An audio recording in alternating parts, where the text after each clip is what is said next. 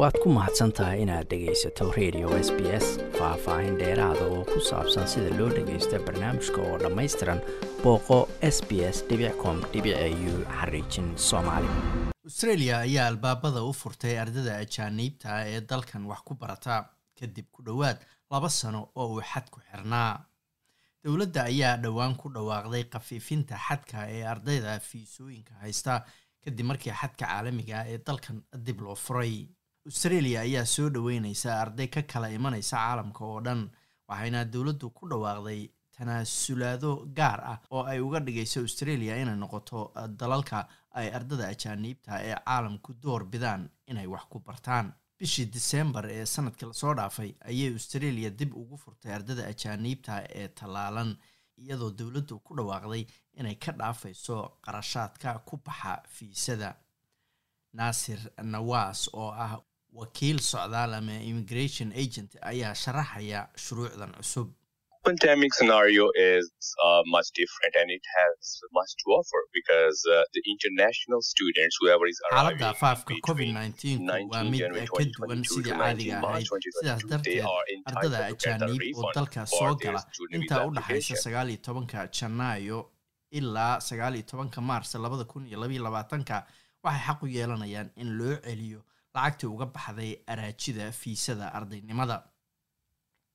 ardada ayaa haysata ilaa soddon iyo kowda bisha disembar ee sanadkan labada kun iyo labaiyo labaatanka inay ku soo ceshan karaan qarashkii uga baxay fiisada. Ardayda ajaaniibta ah ee australia soo gala ayaa hadda loo ogol yahay inay shaqeeyaan iyagoo aan u baahnayn inay sugaan inta koorsooyinkoodu ay ka bilaabanayaan taasoo ka mid ah qorshayaasha lagu doonayo in lagu soo jiito ardada ajaaniibta sida uu marka la sharaxayo naasir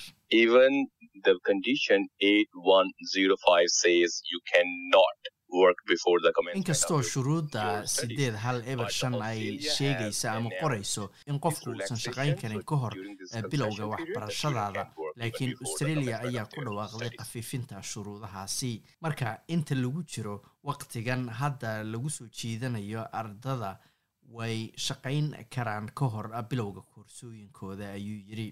Wuxuu sheegay in faafka covid nneteen awgiis ay ardada ajaaniibtaahu dhibaatooyin badan soo mareen xanibaadihii jirayna ay saameeyeen caafimaadkooda dhanka maskaxda ah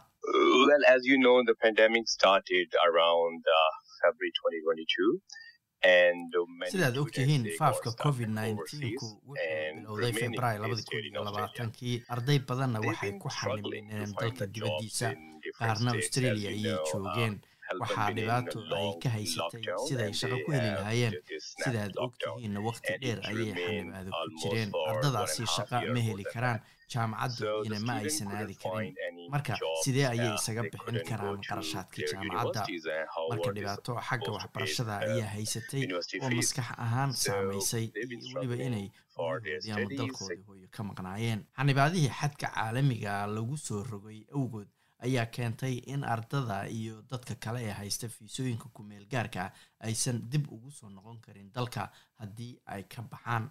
naasir ayaa sheegay in qaar badan fiisooyinkii ay ka dhaceen maadaama xadku uu xirnaa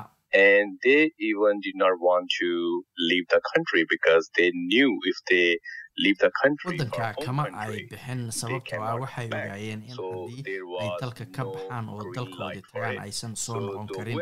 marka kuwii dalkoodii ku noqday halkaas ayay ku xamilmeen fiisooyin badan ayaa sidaasna u dhacay waxa ku dhacay doona mustaqbalkana ma aysan ogeyn markaas kadib marka dhammaan dhibaatooyin dhaqaale iyo kuwo caafimaad maskaxeed ayaa soo wajahay ardadaasi. Imraan khan wuxuu china ku soo dhameeyey jaamacadda koowaad isagoo bartay dhakhtarnimada dhowaan ayuuna australia yimid si uu u qaato shahaadada labaad ee masterka.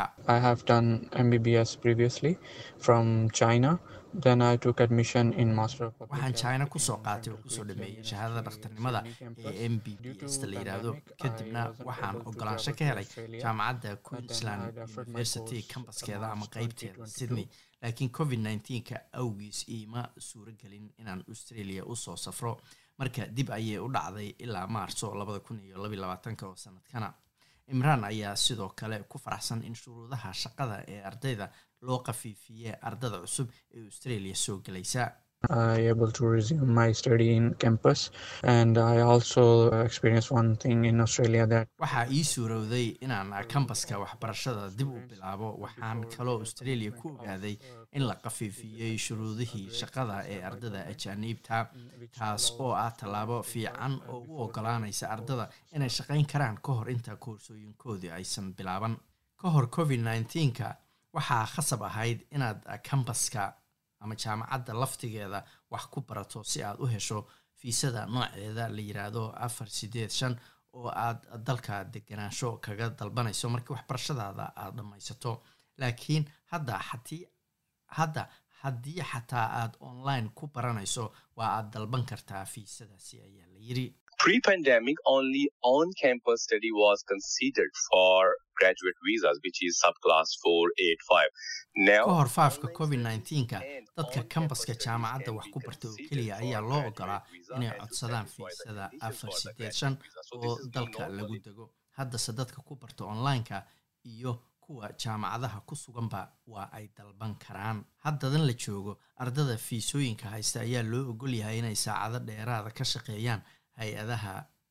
ama shaqa bixiyayaasha daruuriga ah. Dowladda australia ayaa xadidaadii ka qaaday saacadaha ay shaqayn karaan ardadu marka ay ka shaqaynayaan hay'adaha qaarkood. Sharciganna waxaa dib u eegid lagu samayn karaa ama lagu samayn doonaa abriil labada kun iyo labaiyo labaatanka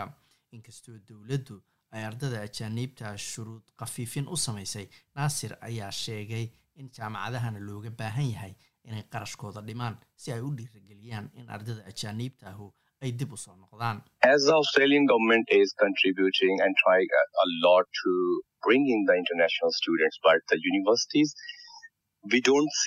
Iyadoo dowladda australia ay qayb ka qaadanayso iskuna siday have ardada ajaaniibta dib dalka ugu soo celin lahayd. jaamacadaha kama aragno inay iyagu wax ka bedelayaan qarashka ay ka qaadaan ardada